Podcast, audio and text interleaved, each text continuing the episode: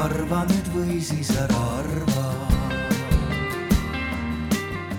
tere tulemast äh, arutelule gigantomaania versus jätkusuutlikkus, kas suurem on alati parem. see arutelu lindistatakse ja seda saab siis järele vaadata UTTV keskkonnast. mina olen Pärtel Piirimäe, selle arutelu moderaator ja räägin kõigepealt siis sissejuhatavalt sellest millest juttu tuleb, miks me sellise teema valisime ja kes on meie panelistid. arutelu äh, korraldab siis Tartu Ülikooli Filosoofia Semiootika Instituut ja Eetikakeskus äh, koos Mõtteloo keskusega. ja arutelu idee sündis tegelikult vestlusest äh, professor Kalevi Kulliga, kes ise kahjuks ei saa siin kohal olla. ja hakkasime just arutama sellel teemal, et mis on gigantomaania nii-öelda võlu ja valu ja, ja riskid ja, ja kas sellel on ka mingeid voorusi. ja siis äh, mõtlesime, et see võiks olla äh, sobiv teema laiemaks aruteluks. nüüd see äh, pealkiri, nagu ta sai meil sõnastatud, kas suurem on alati parem, on ma nüüd tagantjärele mõtlesin, et see on nüüd pisut kallutatud, et sellisele küsimusele on alati vastus, et, et miski asi ei ole alati, et alati on mingeid äh, äh, juhtumeid, kus see tees ei pruugi kehtida. et võib-olla siis küsida pigem, et kas suurem on üldiselt parem, kas suurus on voorus või siis eh, nii nagu Eesti rahvas on alati öelnud, kas suur tükk ajab suur lõh, suu lõhki. et kas eh, Eesti rahvas oli lihtsalt eh, popslik ja kitsarinnaline, et ta sellise loosungiga välja tuli või on seal siis eh, oma eh, tõetera sees. nii et me siis küsime, mis asi üldse on gigantomaania kas me saame sellest Eesti puhul äh, rääkida? Äh, mis on selle võimalikud probleemid ja ohud? Äh, või kas see on tegelikult mingi vältimatu paratamatus, mis tuleneb objektiivsetest majandusseadustest?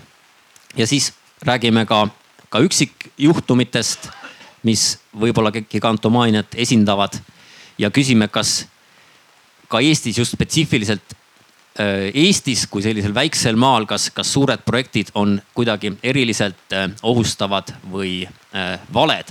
ja siis lõpuks püüame siis arutada, et kui siis suurprojektidele vastu olla, et mis võiks olla see alternatiivne majandusmudel ja kas üleüldse noh, laiemalt, kas see majandusmudel, mis on meil kasvule orienteeritud, et kas see tegelikult on Äh, jätkusuutlik, et mis võiks olla see jätkusuutlik äh, lähenemine äh, majandusele, ühiskonnale ja keskkonnale. ja siia olen siis kutsunud eksperdid paneeli, kes kõik on tegelikult juba ökoloogia ja majanduse vahekorra teemadel aktiivselt meedias sõna võtnud võib-olla mõnes mõttes on meil paneel natuke ühekülgne, et kõik on tegelikult ju pigem ökoloogiliselt meelestatud inimesed. ja ma püüan siis ise olla võimalusel selline kuradi advokaat, kes siis üritab küsida, esindada ka teise poole küsimusi, et see mäng ei käiks meil ainult ühte väravasse. nii et kõigepealt ma hakkan siis järjest tutvustama. meil on siin Mihkel Kunnus, semiootik kultuuriteoreetik, äh, kes äh, töötab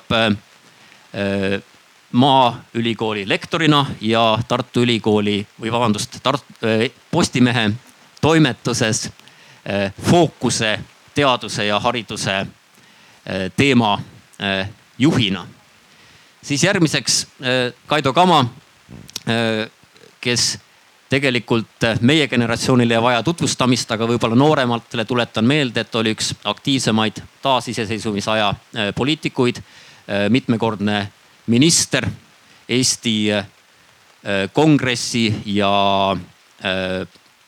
riigikogu liige, kes hiljem töötanud Võru instituudi juhatajana ja praegu kuidas öelda, võib-olla tahad ise öelda, vaba, vaba mees ja võrokene praegu kasvatan lehmi ja lambaid. jah, ja siis äh, kolmandaks äh, Toomas Kiho, kes on äh, väga pikka aega olnud ajakirja Akadeemia peatoimetaja ja võiks noh öelda, et tema kohta selline natuke vanaaegsemat tüüpi universaalteadlane, universaalwissenschaftler, kes on, on kõigi valdkondadega kursis.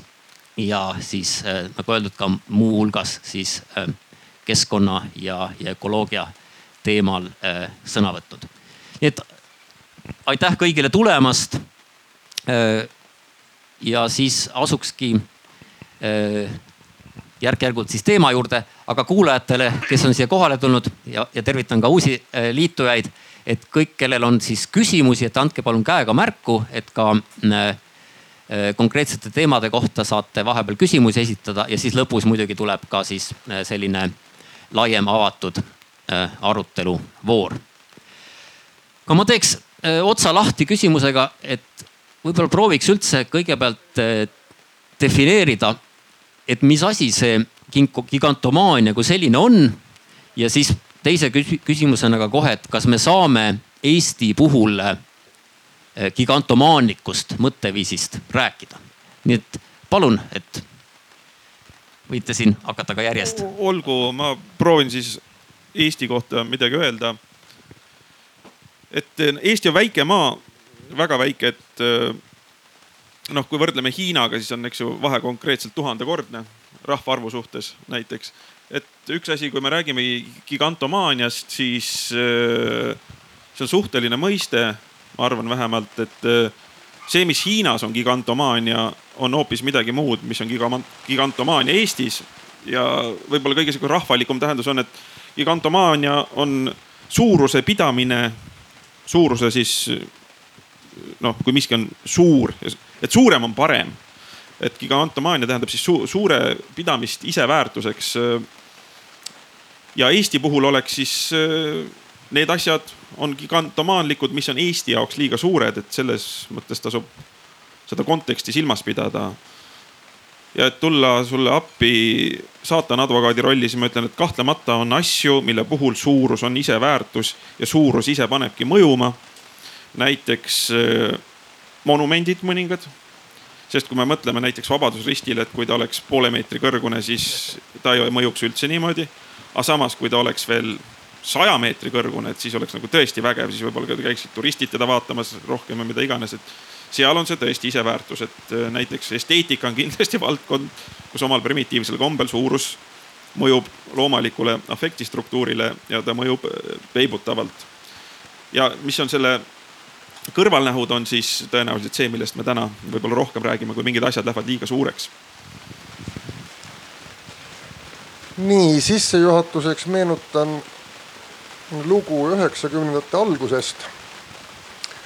kui äh, oli niisugune ajahetk, kus läbi Antsla sõitis rong Valgast Petseri suunas kuni sinna Piusa jaamani, kaugemale ei saanud ja sel rongil oli järel kaks vagunit. ja minu tollane abikaasa nägi seda pilti ja ütles, et, ähm, et vot nüüd ta saab tõepoolest aru, et Eesti Vabariik on olemas. et ta nägi kahe vaguniga rongi, see oli, see oli tema jaoks niisugune, niisugune ideaalne Eesti. et nüüd on muidugi kurjad majandusseadused oma töö teinud ja, ja Antslast ei käi läbi enam väga palju aastaid enam ühtegi reisirongi ja see raudtee on seal, on seal suhteliselt mõttetu. et sealt aeg-ajalt viiakse mõni, mõni vagun metsamaterjali minema sealt jaamast ja see on, see on kogu tema tegevus. et ma ei oska öelda, kas see on paratamatu, võib-olla oleks saanud ka teisiti, aga, aga niimoodi ta nüüd on. aga kui nüüd siin meil ähm, moderaatori küsimus, et kas Eestis on olemas gigantomaania, siis noh, kindlasti on meie, meie suuruse ja meie mastaapidega on siin kindlasti palju sobimatuid asju. ja, ja selleks ei pea üldse minema kohe näiteks Balti raudtee või, või, või Tallinn-Helsingi tunneli kallale. et minu jaoks on gigantomaania olemas ka siis, kui me räägime näiteks Eesti koolivõrgust või haiglavõrgust et see, et me ikkagi nüüd oleme võtnud selge suuna vedada kõik Eesti haiglad kokku, kas siis Põhja-Eesti Regionaalhaiglasse või, või Tartu Ülikooli Kliinikumi ja mujal nagu enam midagi teha pole võimalik, no see on, see on üks see, see sellest kujutelmast, et suur on alati hea ma alustan sellise täiesti mõttetu ja kummalise täpsustusega Kaido jutule, et Antslas enam reisirongid ei sõida. nimelt eile läbis Antsla reisirong. ma jäin sinna raudtee taha kinni ja seal oli üks vedur, Go firma vedur ja seal taga oli üks reisijavagun. see oli kahest veeremiüksusest koosnev rong ja see oli lätikeelsete kirjadega, üks mees vaatas aknast välja, miks seda reisivagunit läbi Antsla veeti, seda ma ei tea. aga vähemalt äh, Antsla puhul on vähemalt seegi hea asi, et see raudtee on olemas. hoolimata gigantomaanlikust muust raudteearendusest Eestis on seal rööpad maas ja rongidel on võimalik seal sõita. mõni aasta tagasi sõitsime me seal soomusrongigagi aga näiteks muud raudteed, kaasa arvatud Haapsalu suuna raudtee on ju sootuks üles võetud, nii et see nii et põhimõtteliselt olen ma Kaido jutu ja järeldustega muidugi nõus ja eks neid suuruse armastuse näiteid on ju muudest valdkondadest peale Kaido nimetatud meditsiinisüsteemi ju veel näitekski, näitekski kuskil tuleb see suuruse ja väiksuse küsimus tuleb igas, igas võimalikus eluvaldkonnas alati ette. näiteks hilja, hiljutine haldusreform ju pidigi tasakaalustama suure ihalust ja kohalikku, kohalikku elu. et kui, et miks just jäädi peat, peatuma sellise arvu omavalitsuste peale, et võib-olla oleks olnud veelgi parem, kui need oleks olnud veel kaks või neli korda veelgi vähem. et kuskil on mingi mõistlikkuse piir, mida iga arendaja iga kord, iga kord peab meeles pidama, nii et ei ole sugugi võimatu, et kui nüüd suurusarmastus veelgi edasi läheb, et siis mõne aasta pärast haldusreformi järel meil juba kolmkümmend ja mõne aasta pärast võib-olla kümme ja siis ainult kaks või üks omavalitsus, et.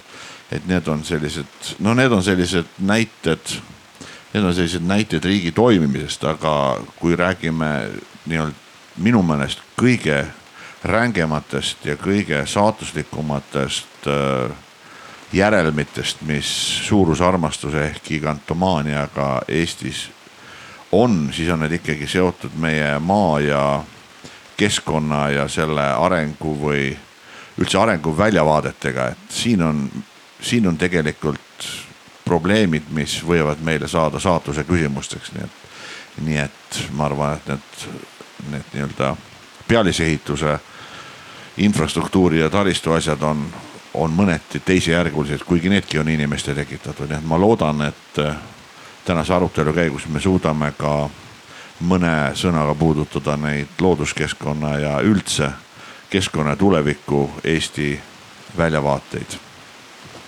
Mm, aitäh, siin on nüüd juba äh, terve rida väga keskseid teemasid äh, välja toodud.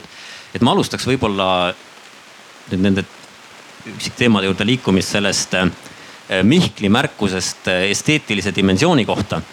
et üldse küsida, et, et millest see suuruse armastus võib tuleneda mis on selle ideoloogia juured ja, ja noh, ma viskan nagu õhku sellise hüpoteesi, et see ikkagi peegeldab eh, jätkuvalt seda nii-öelda inimese võidukäiku eh, looduse üle.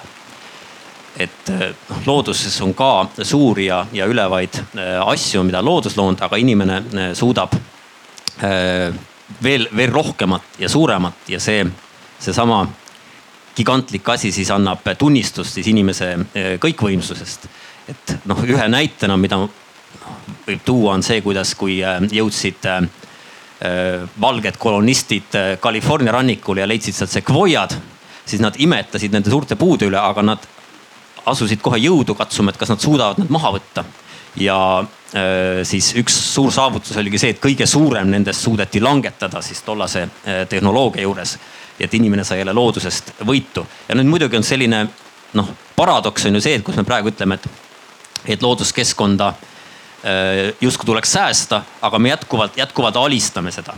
et äh, noh, mida teie arvate sellest, sellest ideoloogia tagapõhjast või, või, või, püsivusest, et miks, miks see, miks see mõtteviis jätkuvalt püsib, et me peame loodust alistama, et kui me ka võtame noh, need taristuprojektid ju siis ju tegelikult Rail, Rail Baltic on täpselt samamoodi, et, et me viime ta eemale sealt, kus on inimesed ja, ja, ja alistame rabasid ja, ja metsi. täidame rabasid ja langetame metsi.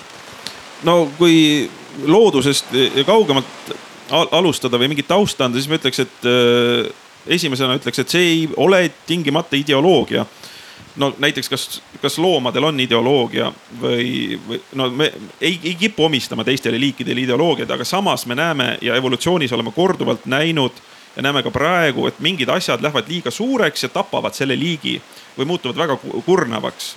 no legendaarne näide on loomulikult paabulinnu saba ja seksuaalne konkurents on üks mehhanism looduses, mis väga tihti toodab äh, hukutavalt suuri või ülepaisutatud proportsioone mis lõpuks äh, on väga kurnavad või isegi tapvad. Äh, mõõkhambulise tiigri kihvad või, või midagi sellist, et seda, seda tuleb ikka ette.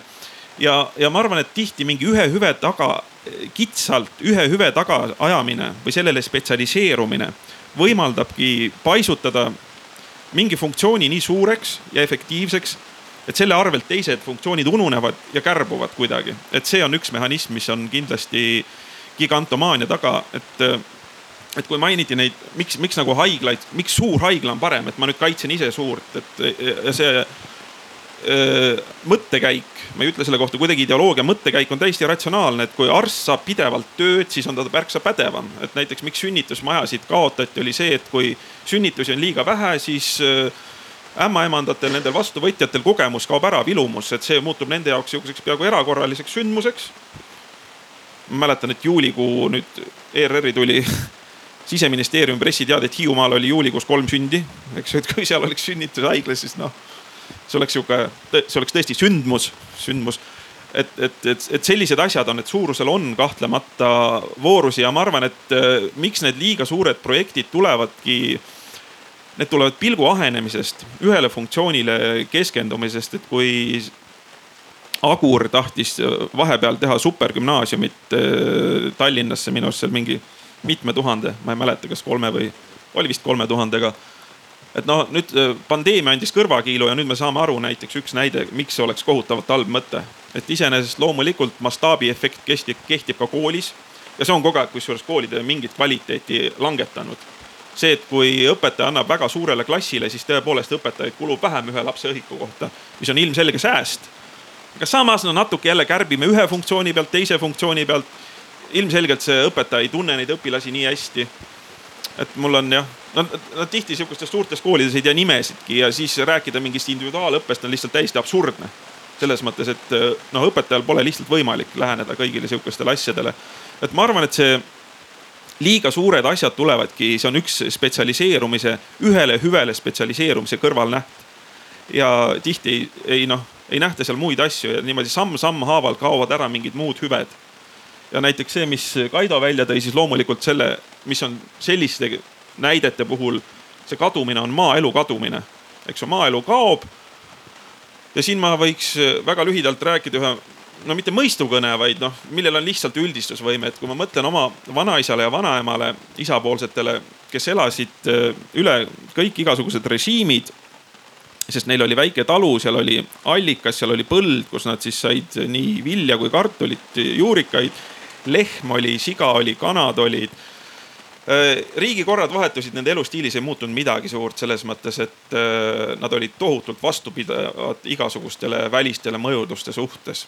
mis oli see miinus seal? Nad olid hommikust õhtuni rakkes ja see ei olnud üldse mõnus selles mõttes, et äh, kui me vaatame puht majanduslikust vaatevinklist, siis nende tegevus oli kohutavalt väheefektiivne. käsitsi lüpsmine, sihuke madaltehnoloogiline hobusega isegi, ma mäletan seda, ma mäletan täitsa hobuste sihukest käsi, käsi kündmist, eks ju, see on kohutavalt ebaefektiivne. et ma arvan, et nende, nende kogu elu panus SKP-sse oli umbes selline nagu üks sekund Warren Buffettil. eks ju, efektiivsuse vahe on sihuke no, lihtsalt meeletult suurusjärke. aga plussiks oli see, et see oli hästi vastupidav.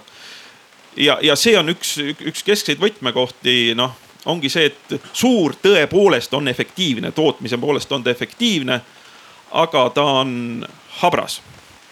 ta on habras ja siin ma võib-olla vehiks äh, Nassim Nicolas Talebi raamatuga Anti Habras, kus ta räägibki sellest, et miks suurkorporatsioonid tõenäoliselt varsti kaovad või, või miks igasugused suured süsteemid on halvad.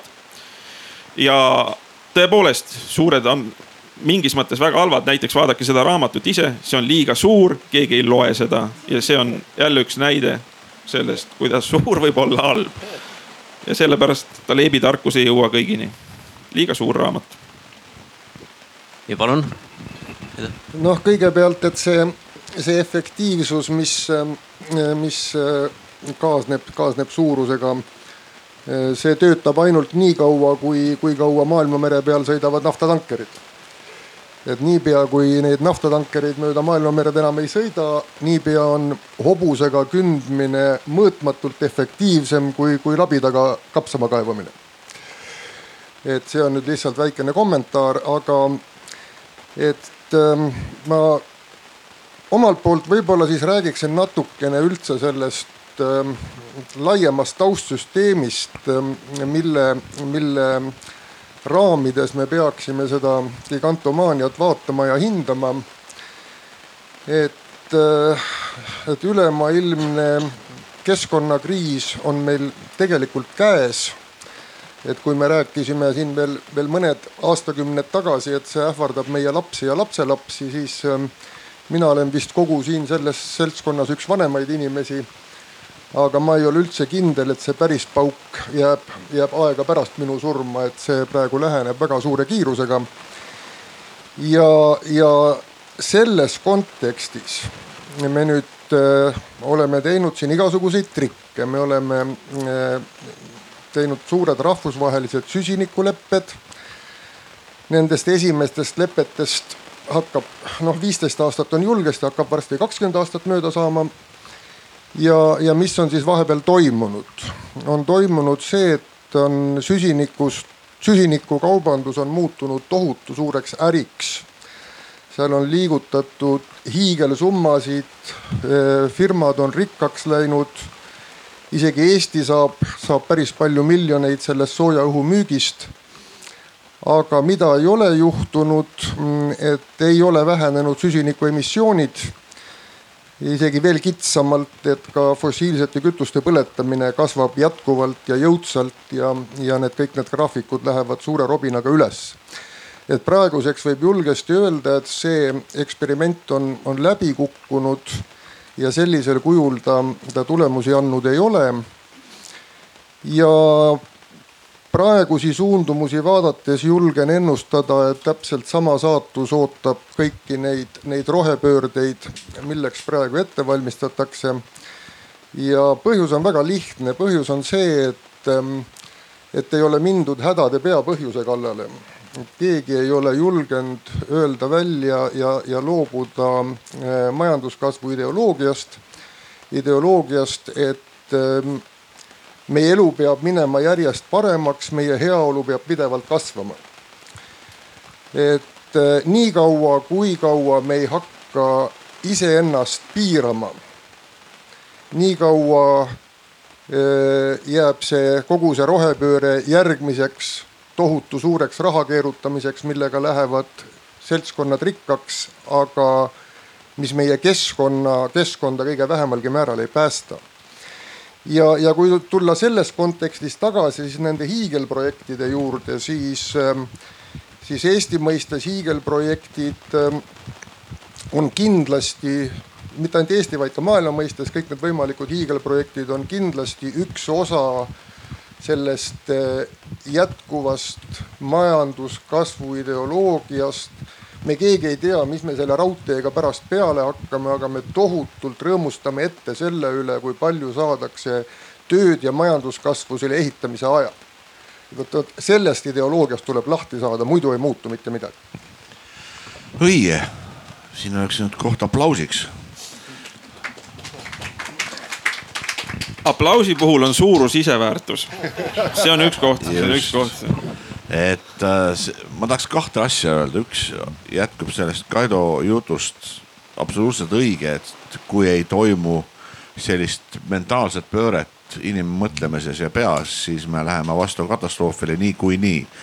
ja siin on kõige kummalisem, mis viimastel aastatel on juhtunud ja juhtumas ikka jätkuvasti veel, on just see rohepööre ja süsiniku ja heitmete mõõtmine ja nende totaalne ja uisapäisa vähendamine, mitte et see oleks kahjulik keskkonnale nende vähendamine, vaid nende vähendamiseks ja selleks, et süsihappegaasi heitmed oleksid riigiti väiksemad. Nende vähendamiseks tehakse, astutakse samme, mis tegelikult mõjuvad meie reaalsele elukeskkonnale palju hävitavamalt kui see süsinikuheide ise. et selleks näiteks, et hüpoteetiliselt, kui Kaido ei tea, milleks me raudteed ehitame, et hüpoteetiliselt kaubad läheksid autoteedelt, autotranspordilt, mis suuri heitmeid keskkonda paistab paiskab elektriraudteele. selleks ehitatakse, keeratakse terve maa pahupidi ja ehitatakse pöörane uus taristu, millest, millest tegelikult ei ole mitte keegi kindel, et need äh, kaubad üldse peaksid maanteelt raudteele või laevadelt raudteele kolima, see on selle, selliste ehitiste ainukene mõte on tõepoolest rikkuse uus tootmine ja selle viigileheks kasutatakse keskkonnaargumente, mis, mis ma arvan sügavalt ja tegelikult ei päde. lõpuks me saame rikutud keskkonna ja ei ole mitte mingit garantiid, et selliste ehitiste ja selliste taristu ja selliste taristuprojektidega meie heitmed üldse vähenema, vähenema hakkaksid.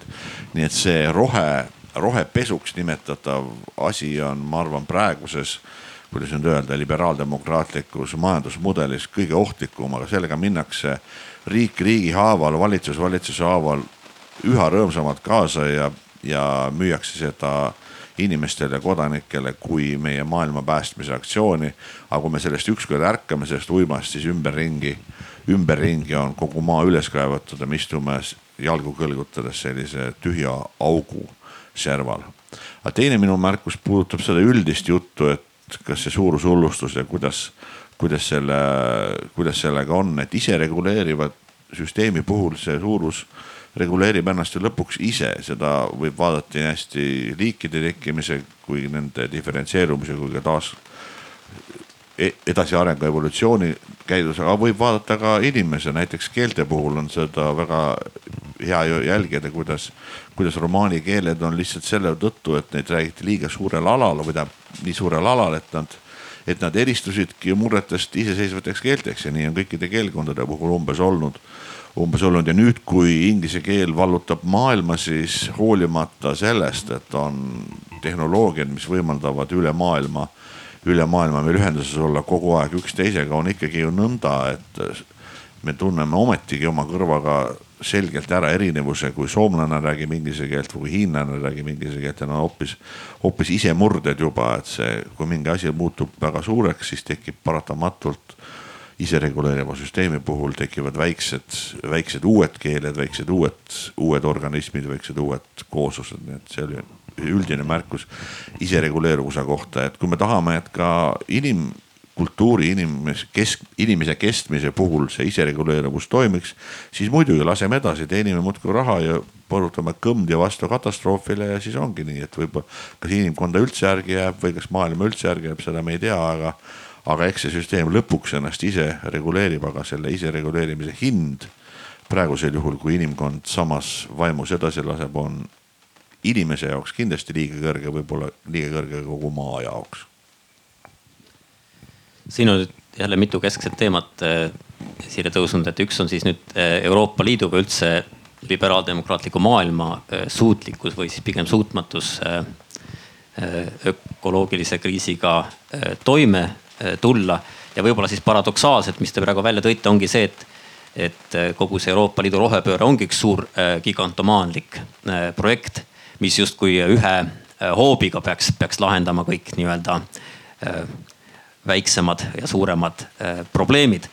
Äh, et siis äh, autode saaste tõrjumiseks peame kõik miljonid autod korraga välja vahetama ja selleks jälle tuhandeid kaevandusi rajama ja, ja nii edasi. pluss siis tõesti see idee, et, et kõik see justkui noh, Münchhauseni kombel ühtlasi ka suurendab majanduskasvu, et see on nagu kahtepidi, kahtepidi efektiivne, et justkui vähendaks jalajälge ja teist aegu paneks majanduse veel kiiremini käima, mis on noh muidugi äh, paradoks, mis ilmselt, ilmselt ei tööta.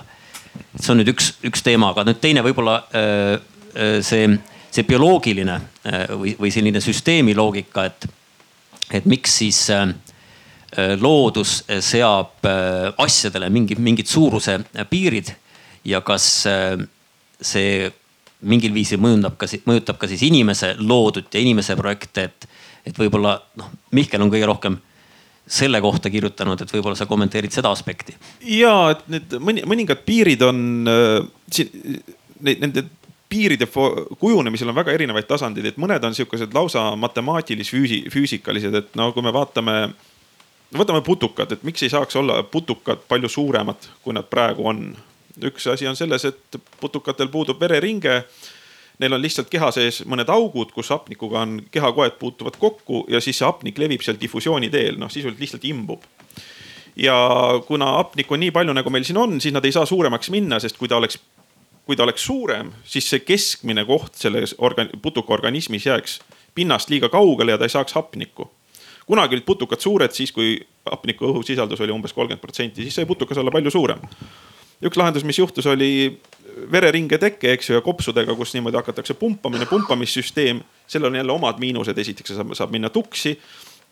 sellel saavad olla omad, omad kahjustused, süsteem läks komplekssemaks, selle plussiks on jälle see, et noh, organism saab olla suurem noh, see, see, see on üks näide, kus lihtsalt füüsikast tulevad piirid või näiteks keha jahtumine, et me, kui me mõtleme, et keha peab mingi ruumala ühik peab olema jahtuma, see tähendab, et olema mingi pinna kontaktis, siis on täiesti arusaadav, et äh, näiteks kera ruumala sõltub raadiuse kuubist, see tähendab, et kaks korda kasvab, siis kaks kuubist korda on tal ruumala suurem, aga pindala sõltub raadiuse ruudust ja see tähendab, et see kasvab palju lähedamalt ja sealt tuleb nagu üks optimeerimisnäide, eks ju, see on, mis on, mis tuleb puht lausa matemaatiliselt.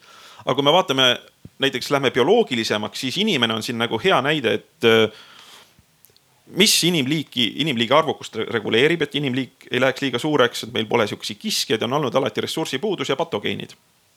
ja ressursipuudust on väga edukalt lahendatud kahekümnendal sajandil. roheline revolutsioon, sünteetilised väetised ja nii edasi ja inimene paisus plahvatuslikult, aga millest pole lahti saadud, on patogeenid. ja see on nagu üks näide on noh, millest on nagu mis on nagu kuidagi vastik ja me näiteks ka koroonapandeemiale mõtleme kui nagu millegile erakordselt mingi vastik asi tuli sisse, segas mingi nagu, nagu mingi Diablo ex machina või ma ei tea, varsti ta läheb ära, jälle saab normaalsusesse tagasi. aga pigem, pigem on see asi vastupidi, et see ongi see eneseregulatsiooni üks aspekt, mida Toomas Kiho mainis, et loodus tõepoolest hakkab ise reguleerima ennast.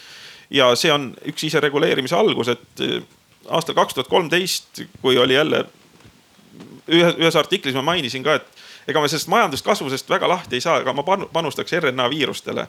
et see võtab tõenäoliselt populatsiooni alla ja siis läheb nagu asi korda.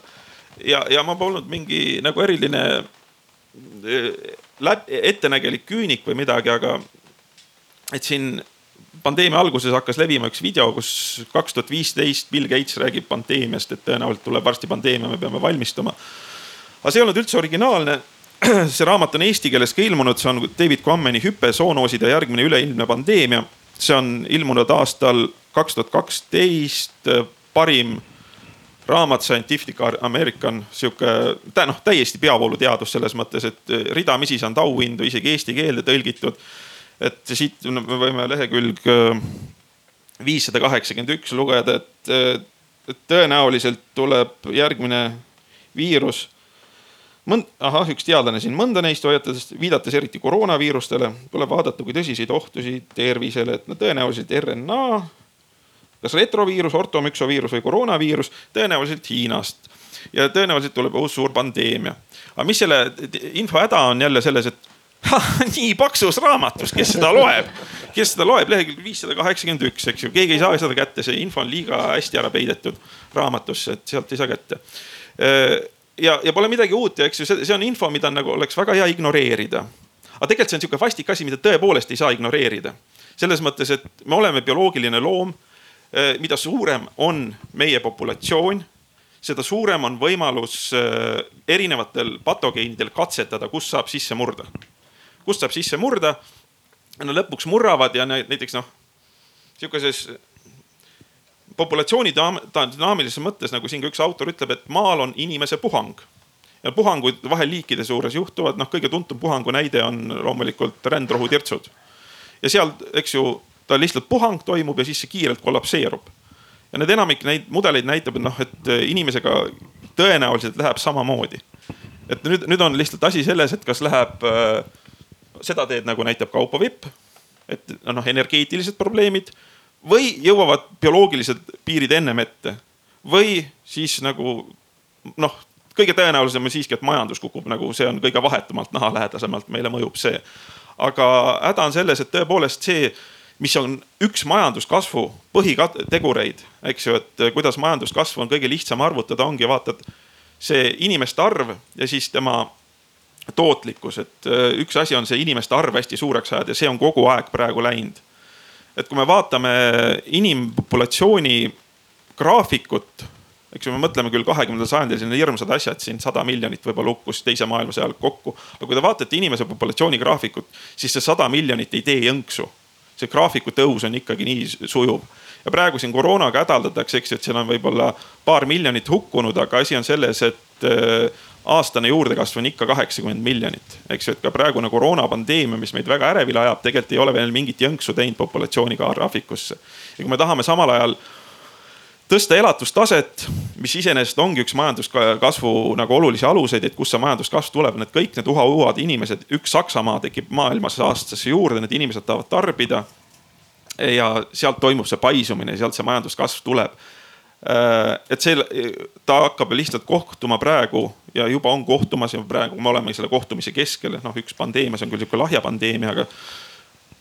et me oleme juba piiridel, et praegu see varing, varing toimub ja olge rõõmsad, kuni veel on hea olla ma läksin liiga pikale mhm. selles mõttes, ma tõmbasin ruttu otsa kokku. jah, no kuhu me siin nüüd tüürime, muidugi see, et, et võib-olla see küsimus, kas, kas, kas suur on hea või halb, on juba natukene ajast äh, või aegunud, et ähm, tegelikult noh, praegu tundub, et igasugused projektid ja, ja, ja suurenemine ja laienemine on halb, et iga puu mahavõtmine on juba juba võib-olla kriitilise äh, tähtsusega, et ei ole ainult nii, et sa võtad terve metsa, vaid ka võtad salu, et võib-olla peame juba mõtlema, et kas üldse, üldse midagi sellist äh, lubada. Aga noh, ma proovin nüüd nii-öelda ikkagi teemas püsida, et, et, et, et just võrrelda neid suuri ja, ja väikeseid projekte ja, ja kui nüüd noh liikuda siis sellest nii-öelda bioloogilisest piirangutest äh, inimese loomingu juurde, et mis noh, mida veel võib äh, lugeda siis äh, sellisteks probleemideks suurte asjade puhul.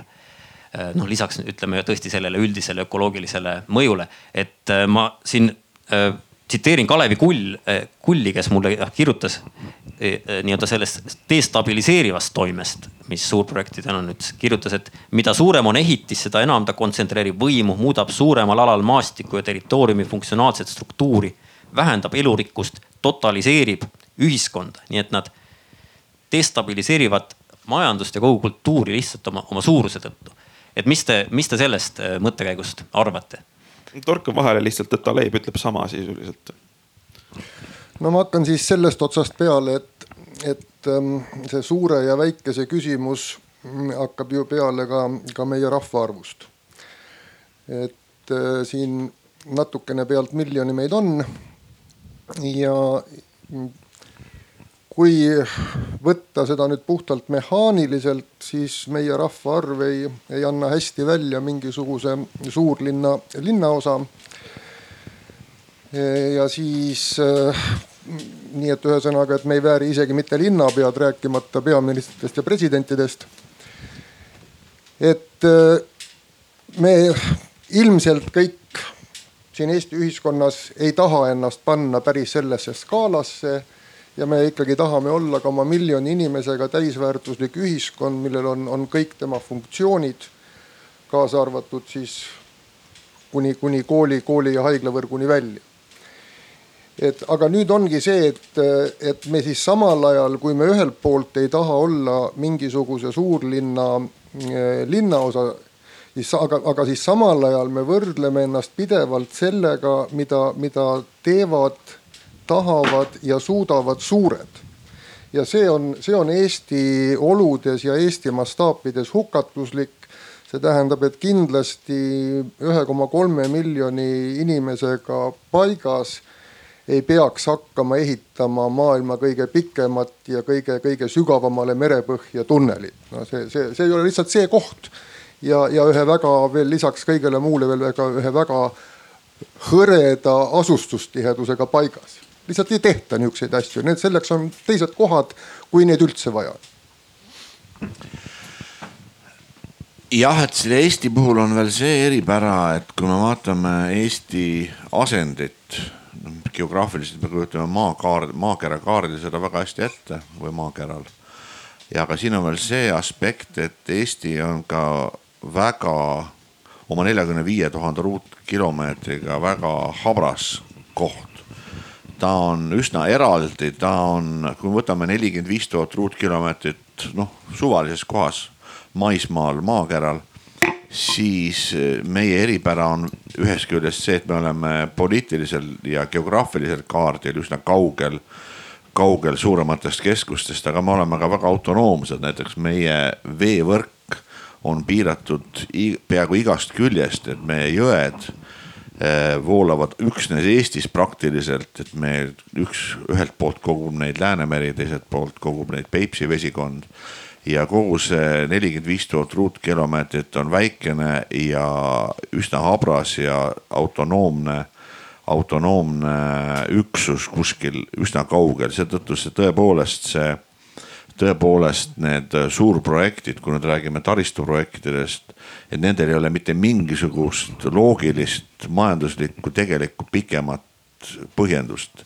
ei sellel koomilisel merepõhja tunnelil, millele Kaido Kama just äsja viitas, kui ka hiigelsuurtel äh, ühendusteedel, mida siis näiteks Rail Baltic esindab, et sellel lihtsalt ei ole mitte mingisugust tegelikku väärtust muud kui see, et äh, Euroopa Liit annab meile ilge nutsu ja oled loll, kui sa vastu ei võta, see on selline Eesti talupoja tarkus, et kui sulle antakse raha, võta see vastu ja kui antakse veel rohkem raha, tee järgmised lollused, aga peaasi, et see raha endale taskusse saab. kui meil on raha taskus, siis vaata, siis istume oma tühjade, tühjade kruusakarjääride serval ja tühjade paekarjääride paekarjääride kõrval, et baas on juba Harjumaalt täiesti otsa saanud, seda enam kaevandada seal ei saa, et kust me need raudteetammid tegema, teha, teha saame, seda me ei tea.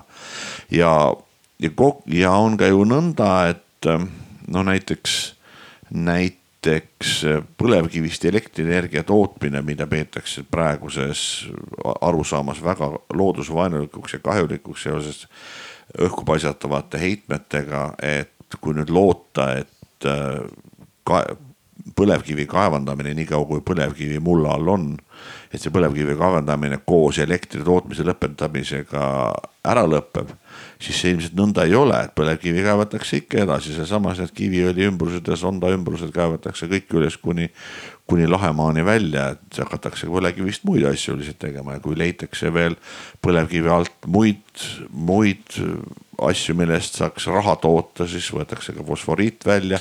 hoolimata sellest, et meie iseseisvuse ajalugu fosforiidi suhtes on hoopis teis, teise, teisesuunaline, võetakse välja fosforiiti, hakatakse sealt välja välja leotama siis metalle, mille mahamüümisest saab jälle uut kulda ja, ja seekleid, mis endale taskusse poetada, et lõpuks me, lõpuks me astume praegu ikkagi üsna pikkade sammudega, hoolimata kogu sellest jutust rohepöörde ja keskkonnasäästlikkuse ja hoolimata kõigest sellest jutust astume me ikka üsna pikkade sammudega omaenda elukeskkonna rikkumise, omaenda elukeskkonna täieliku hävitamise suunas ja enne kui üle ilma, aga võib-olla ka ainult Eestis ja lähemates riikides ei võeta kasutusse seda Kaido Kama ideoloogiat majanduslikust, majanduskasvu, majanduskasvu mahajätmisest, nii kaua on meil vähe lootust, aga see majanduskasvu mahajätmise ideoloogia on tegelikult veel üks pääsetee. mitte ainult need Mihkel Kunnuse nimetatud radikaalsed viirused, mis pandeemiad, mis inimkonda võiksid vähendada. siis see majanduskasv, see on nagu inimese mõte. ja mõte on ju see, mis eristab inimliiki ena-, kõigist teistest liikidest. inimese mõttejõul toimuv või mõttejõul olemasolev päästerõngas või õlekõrs, millest me võime kinni hakata ja päästa nõnda nii hästi inimkonna kui pikemas vaates ka muud liigid meie ümber ja maastikud. siit jõuame ka äh, ilmselt diskussiooni lõpuosas ka inimloomuse küsimuseni ja, ja kui palju siis mõttejõud seda suudab suunata. aga noh, nüüd oli äh, noh huvitav aspekt, mille Toomas Kiho välja tõi, oli see tegelikult, et, et me ju nõukogude ajal ei tervitanud seda, kui meil tulevad Moskvast hiiglaslikud investeeringud kuskile sõjatehastesse või, või Sillamäele. Äh, vaid pigem nähti selles probleemi, aga nüüd suhtutakse tõepoolest suure rõõmuga, kui Euroopa Liit annab meile eh, miljardeid, et me saaksime siis ehm, seda hiigla, tsiteerides Mihkel Kunnust, hiiglapirakat raudteed ehitada. Või siis rõõmustab ajakirjandus, kui keegi tahab investeerida miljardit või kahte mingitesse tselluloositehastesse, et, et seal noh tundub justkui lähtepunkt, et mida rohkem raha siia tuuakse, et seda, seda, seda parem. ja nüüd ma noh mängingi võib-olla natuke seda saatana advokaati et, et noh, majandusmehed ütleksid siinkohal, et, et, et noh, see ongi majanduslik loogika, et asi ära tasuks, peab ta tänapäeval suur olema. Et, et kui meie teeme selle noh tselluloositehase, mida siin noh välja pakuti Tartu kanti, et see oleks ikkagi väga pisike ja ikkagi oleks väga raske võidelda siin Kemi kemi tselluloositehasega, millega soomlased on tegelikult hädas, aga see on lihtsalt paratamatus, et me nagu oleksime majanduslikult konkurentsivõimelised. no see on nüüd muidugi jälle eeldus, et me peame konkureerima aga et, et see on justkui, justkui selline äh, loogiline ja, ja, ja vältimatu tulemus, et me peame siis äh, suurelt mõtlema. et mida te siis selle, selle vältimatu loogika kohta kostaksite? ma kostan vahepeal, vabandust, Mihkel, ma saan aru, et sinu kord oli praegu. aga ma tahaksin siin publiku ees selle väärarvamuse kuidagi üle parda heita, et Rail Balticu näol on tegemist mingi eeskätt raudteeprojektiga. et Rail Balticu see raudtee osa kogu sellest taristust, mis sinna rajada on plaanis, on isegi suhteliselt väike. ja lõpuks see suurus ei ole mitte ka see, et seal, seal on plaanis tohutult palju ronge hakata sõidutama, seda, seda võib-olla mõned sinisilmad ainult arvavad. tegelik selle suuruse väärtus on ikka ainult see, et saaks kuhjata võimalikult palju tööd ekskavaatorijuhtidele, võimalikult palju kaevandada muldkehade jaoks materjali ja võimalikult palju maksta ehitajatele või võimalikult palju saaks teenida selle ehitamise pealt ja selle ehitamisega koos siis kasvatada majanduskasvu, mis sellest lõpuks saab. see ei olegi tegelikult enam tähtis, et Rail Baltic ei ole mitte raudteeprojekt, vaid ta on lihtsalt üks musternäidis täiesti mõttetult kulutatavast rahast selleks, et majanduskasvu turgutada see on muidugi jah, tõesti ainus äh, äh, seletus, mis saab olla sellele, et kunagi ei tehtud võrdlusanalüüsi olemasoleva Pärnu trassiga ja hakati kohe siis sohu seda, seda uut trassi rajama. ja, ja ma muidugi tahaksin selle täpsustuse teha, et, et, et ei ole siin, ei ole mingit sihukest tegelast, kes mõtleb niimoodi, ahaa.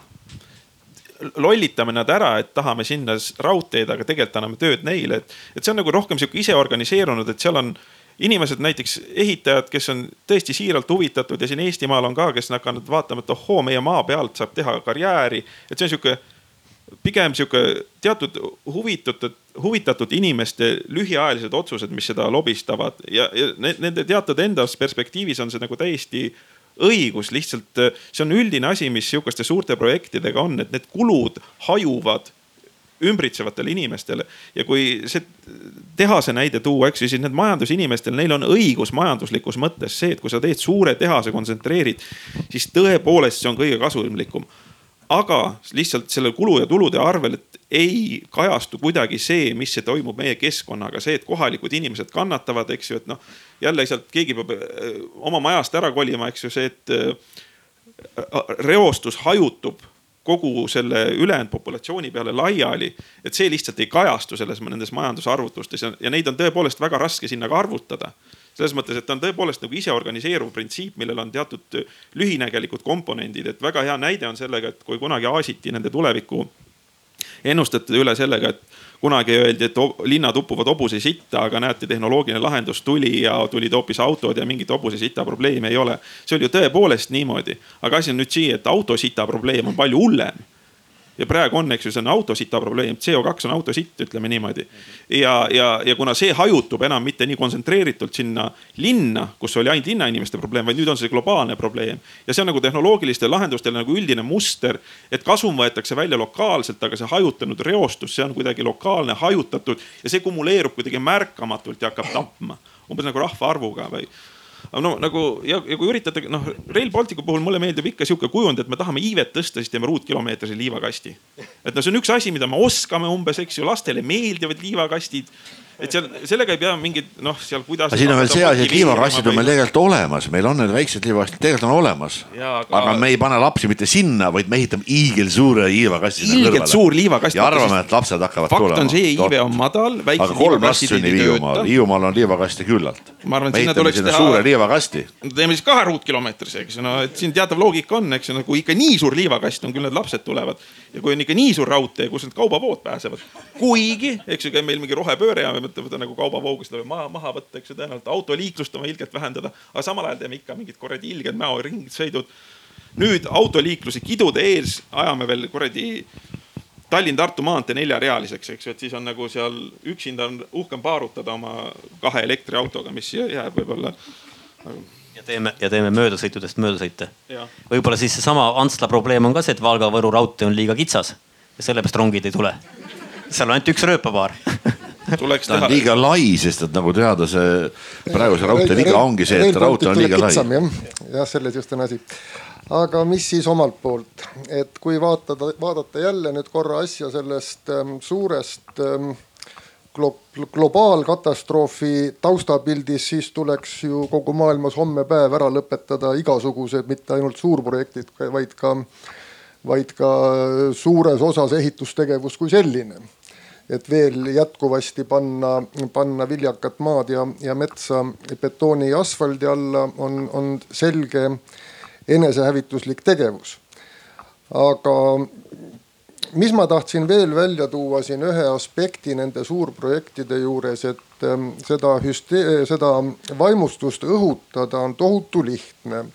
ja ma pole ka iga kord päris kindel, et äh, Mihkel ütles, et seal keegi niimoodi kurikavalalt ei planeeri, et see tekib kuidagi iseenesest, et mind küll vahepeal juba tabavad mingisugused paranoiad, et, et kui ma ikkagi vaatan seda, et, et Balti raudtee ei lähe Pärnust Riiga mitte maantee kõrval, kus oleks tema kõige loogilisem koht, vaid, vaid sealt läbi suurte metsade, siis, siis mul tekib ikka küll tunne, et sealt on keegi tahtnud jälle uusi tihumeetreid kätte saada ja, ja muud mitte midagi aga see selleks, ma tahtsin öelda seda hoopis, et kui nüüd nihukesed asjad lähevad omadega rappa ja, ja see raudtee kindlasti rappa läheb omadega.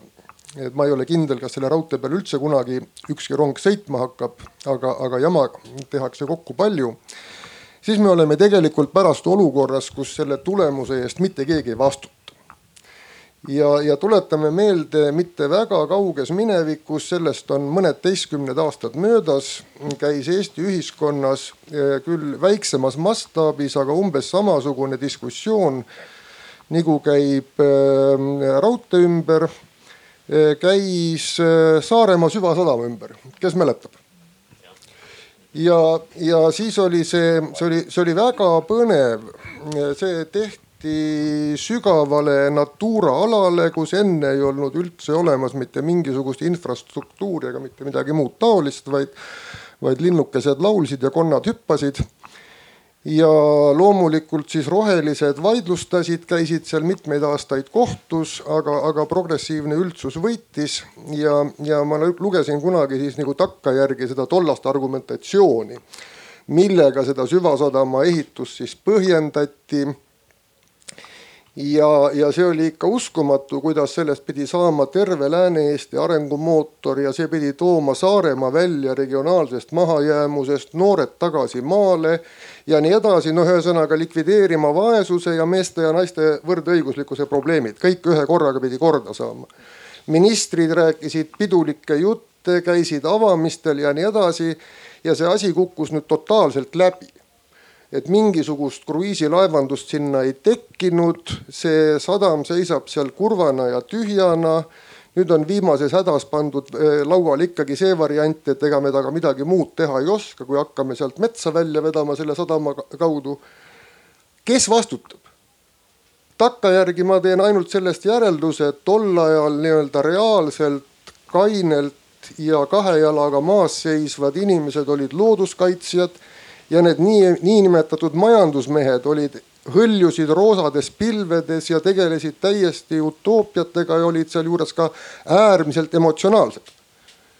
aga, aga, aga kes vastutab siis, kui meil juhtub raudteega mingi samasugune asi? väga õige lisandus, et siin on jälle see eh, demokraatia probleem, kus valitsused vahetu, vahelduvad ja vastutus siis lõpuks hajub kõigi nende vahel, kes, kes on siis algatanud ja kes ei ole pidurit pannud ja nii edasi. aga nüüd natuke ma võib-olla äh, laiendaks seda teemat, et, et me oleme siin nüüd majandusmehi äh, nii-öelda kritiseerinud ja rünnanud, aga kas ei ole ka selles mõttes laiem, et ka kultuuriinimesed, kes noh näiliselt vastanduvad majandusinimestele, kui on tegu mingite kultuuriprojektidega, siis meil on samamoodi, et meil on vaja teha noh rahvamuuseum, kus kõik Eesti rahva vara on kõik üheskoos hiiglaslikus hoones, kuhu mahuks kõik järelenud eestlased ära. Või nüüd praegu on meil, äh, oli kultuuriehitiste võistlus, kus siis Tartu ehitas projekti esitas projekti, mis ka noh, pälvis esikoha võib-olla just tänu oma, oma, oma mastaapsusele. et kui me arvutame, et, et kunstimuuseum kümme tuhat ruutmeetrit, linnaraamatukogu kakskümmend tuhat ruutmeetrit, liidame need kokku ja kokku saime kuuskümmend tuhat ruutmeetrit. kui mu matemaatika ei eksi, et, et kas see on nagu noh, ka tegelikult, tegelikult laiem probleem, et kas on vaja, et kultuur peab olema sellistes mastaapsetes betoon ma ütlen, ütlen siia kohe vahele, vabandust, et, et ainult väikese repliigi, et tegelikult on see väga õige, et see gigantomaaniat ei pea kritiseerima mitte ainult mingite suurte tööstus- või taristuprojektide puhul, vaid see gigantomaania hullus on olemas täiesti kultuuriehitiste näol meil ja, ja, ja mingit pidi me oleme siin sõpradega naernud, et Eestis on kujunenud praegu välja niisugune väike võidujooks, et, et igale maakonnakeskusele oma ooperiteater. Ja, ja seda nõutakse, et no peab olema ja meil peab ka olema ja, ja nii edasi. ja ma olen sellega täiesti nõus, ma tahtsin öelda, et see on tõepoolest on igal pool mujal ka ja see on väga piinlik. kuigi nüüd, kui Karis saaks presidendiks, siis oleks nagu nii tore, et siis Eesti Rahva Muuseum ja Eesti, no vaata selle, selleks oleks nii suur sümboolne väärtus, et Eesti riigis saabki nagu tervikuna Eesti Rahva Muuseum, et see võib olla täpsem, täpsem, kui meile meeldiks, et aga siiva on. aga mina tahaksin öelda siin seda, et tegelikult ei saa öelda nõnda, et kultuuriinimesed ja majandusinimesed üksteisele vastanduvad. Need ei vastandu üksteisele mitte selles mõttes kogu aeg, et mina olen majandusinimene ja ma olen alati selle poolt, et ehitada midagi suurt ja lolli ei, nõnda ei ole, et on olemas ütleme Rail Balticu puhul on väga palju mõistlikult mõtlevaid majandusinimesi ja samamoodi oli ka selle süvasadama rajamise puhul oli ka neid inimesi, kes tegelikult said ju aru sellest kalkulatsioonist, et need on, et need äh, majandusinimesed, kes on nende asjade poolt, on muidugi need, kelle taskusse otse kukuvad raha kukub raha, et need on, need on need inimesed, nad ei pruugi mitte majandusinimesed olla, vaid lihtsalt aferistid või ükskõik kes, kes raha teenib, et need on muidugi selle asjade poolt, et et aga mingisugused noh, üks näide veel siin sellisest suurest taristuprojektist, mis tehti ja mis ei õnnestunud sugugi, on see kuulus Koidula kaubajaam, mis rajati Piusa jõe äärde tohutult suur, ma ei tea, mitmekümnete rööpapaaridega. selleks, et seal hakata Venemaalt tulevaid äh, ronge tollima selle asemel, et seda teha Tartus, et Tartus pidi siis tollipunkt ja kaubajaam sisuliselt kaduma. aga mis on tegelikult juhtunud, on see, et ehitati tohutult suur ja võimas taristu sinna Piusa äärde Koidulasse välja, kus peaaegu mitte midagi ei toimu ja Tartus toimub endiselt kõik see kauba, kaubarongid, nii vähe, kui neid üldse alles on neid ronge ja kaubavahetuste Venemaaga on jäänud palju vähemaks võrreldes sellega, mis ennustati toona, kui seda Koidula jaama ehitama hakati. nii et seal on mitmekordselt need arvutused, mis ette tehti ja paberil ilusad paistsid, on mitmekordselt mööda läinud ja siia juurde, et see pole ainult ükskord rumalasti maha visatud raha, vaid äh, nendel mõttetutel objektidel on ka pidevad ekspluatatsioonikulud. et maksavad meile iga päev, iga, iga tund, nad teevad meile kulu jah, et pensionist peab loobuma. Ja ma ütleks ka, et nagu ega Rail Balticu puhul tema majanduslikku kasu ei olegi väga nagu rõhutatud. Ja, ja, ja kahel, kahtlemata on ka see, et väga paljud inimesed saavad selle ehitamisest kasu. Ja, ja sellepärast nad seda ka nii-öelda mahitavad, et, et, et, et noh, kasum ja kahjum on vaadatav on alati mingist kontekstist ja perspektiivist, et kui see ei oleks mitte kellelegi kasulik, kui see oleks nagu lihtsalt loll raha mahasse matmine, siis tõepoolest seda ei tehtaks, aga see ongi selles. tehakse ikka, tehakse ikka, et kui ikka tulevad sul. see on väga paljudele kasulik kui Kass Basilio ja mis see rebase nimi tulevad ja ütlevad sulle, et pane raha maha, siis kas saab rahapuu ikka leidub neid, kes panevad sinna raha maha, nii et ole. ja mul on selle Rail Balticu puhul just selline tunne olnudki, et me oleme natukese nagu selle Buratino rollis siin olnud praegu. no selliseid on seal ka jah, kambas. Et lohutus on siis see, et me matame ka hästi palju teiste inimeste kuldmünte, mitte ainult enda omi. No aga... kuldmüntide matmisega on ka see, et see juba see matmine ja kaevamine, see rikub ka juba keskkonda, nii et selles mõttes ei tasuks seda üldse teha. Eh, meil on nüüd praegu tund aega räägitud, et varsti annaks siin publikumile ka sõna, aga ma mõtlesin, et enne seda veel võib-olla siis tuleks nüüd tagasi selle Kaido juba alguses esitatud suure küsimuse juurde, et kas on võimalik tegelikult tänapäeva inimest panna loobuma siis sellest majanduskasvust, et tegelikult noh, see on ju see russoolik küsimus või, või probleemi asetus, et, et me oleme Äh, läinud kaugemale oma nii-öelda loomulikest vajadustest, meil on tekkinud terve rida kunstlikke vajadusi. Äh, meie äh, sõltume teiste hinnangutest endale, meil on eneseuhkus, mis paneb meid, meid asju omandama ja, ja, ja järjest nii-öelda paremat elujärge ihaldama. et kas kogu seda noh, ideoloogiat on kuidagi võimalik laiemalt tagasi pöörata, no enne kui, enne kui tõesti kõik kokku variseb? no ma vastaksin esiteks, et me peame siin mõtlema nagu kastist väljas ja kui mõte on nii-öelda kastist väljas, siis see peab, siis see peab normaalsele inimesele mõjuma ehmatavalt või jaburalt juba definitsiooni kohaselt. ja kuna ma olen selle keskkonna teemaga vaadanud, siis niimoodi ratsionaalselt vaadates tõepoolest ega mingit muud varianti ei ole, kui see, et inimeses toimub mingi vaimne pööramine või ta tahab, hakkab tahtma vähem see on jõukohane niisama ainult mingitele üksikutele askeetidele või neile, kes saavad selle eest kuidagi näiteks sotsiaalset kapitali või prestiiži. aga viimast saab ainult siis, kui sa oled erandlik. eks ju, kui see on massiline, siis enam see motivatsioon ei tööta ja üks lahendus, mida ma olen ise mõelnud, noh, see on sihuke meeleheide, sest ma ütlen, et mingit normaalset niimoodi mingi koolituste, hariduste sihukest ega no ways ei tööta lihtsalt, eks ju, seda on kogu aeg näidatud, et see oleks pretsedent, on minu arust on see, et tuleb välja vahetada tarbenarkootikumid, et praegu on see etanool, mis on väga kahjulik ja paneb marutama võib-olla kanep, võib-olla psühhedeelikumid, et inimesed ei, ma olen kanepi kohta kuulnud seda näiteks, et üks asi, mis ta on, võtab inimestel eh, sihukese ambitsioonikuse ja entusiasmi alla, et ta lihtsalt istub ja chill ib omaette, eks ju. ja tegelikult see on ju väga hea inimene, kes lihtsalt istub ja chill ib ja ei, ei taha pürgida kuhugi, ei taha midagi väga saavutada eks ju. ta on, ta on ka long covid. ja ta on nagu, ta on sihuke nagu, nagu noh, praeguses edu, eduühiskonnas tegu on mõttetu hipitolliga.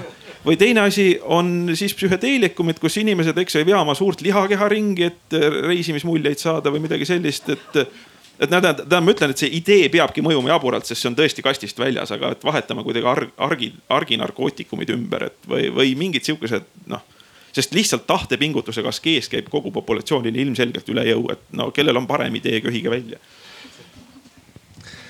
et ähm, minu lapselaps lõpetas ähm, sel kevadel gümnaasiumi ja nad teevad tänapäeval niisuguseid asju koolides, mida nimetatakse loovtööks ja tema loovtöö oli siis see, et ta tegi Eesti Rahva Muuseumis näituse, mis näitas siis tänapäeva riidemajanduse kulgu sellest, kuidas ta siis äh, kuskilt algab, algab peale sealt puuvillapõllult ja lõpub siis, lõpeb prügimäel. ja mina ütlesin, et noh, et kas sa puudutasid seda moodide kiiret vaheldumist ka ja, ja ise omas, omas ähm, lubjastumuses arvasin, et me räägime eh, kevad-sügis-talvemoodidest. ja ta hakkas naerma ja ütles, et, et kalli, kallis vanaisa, et praegu on iga nädal on uus mood.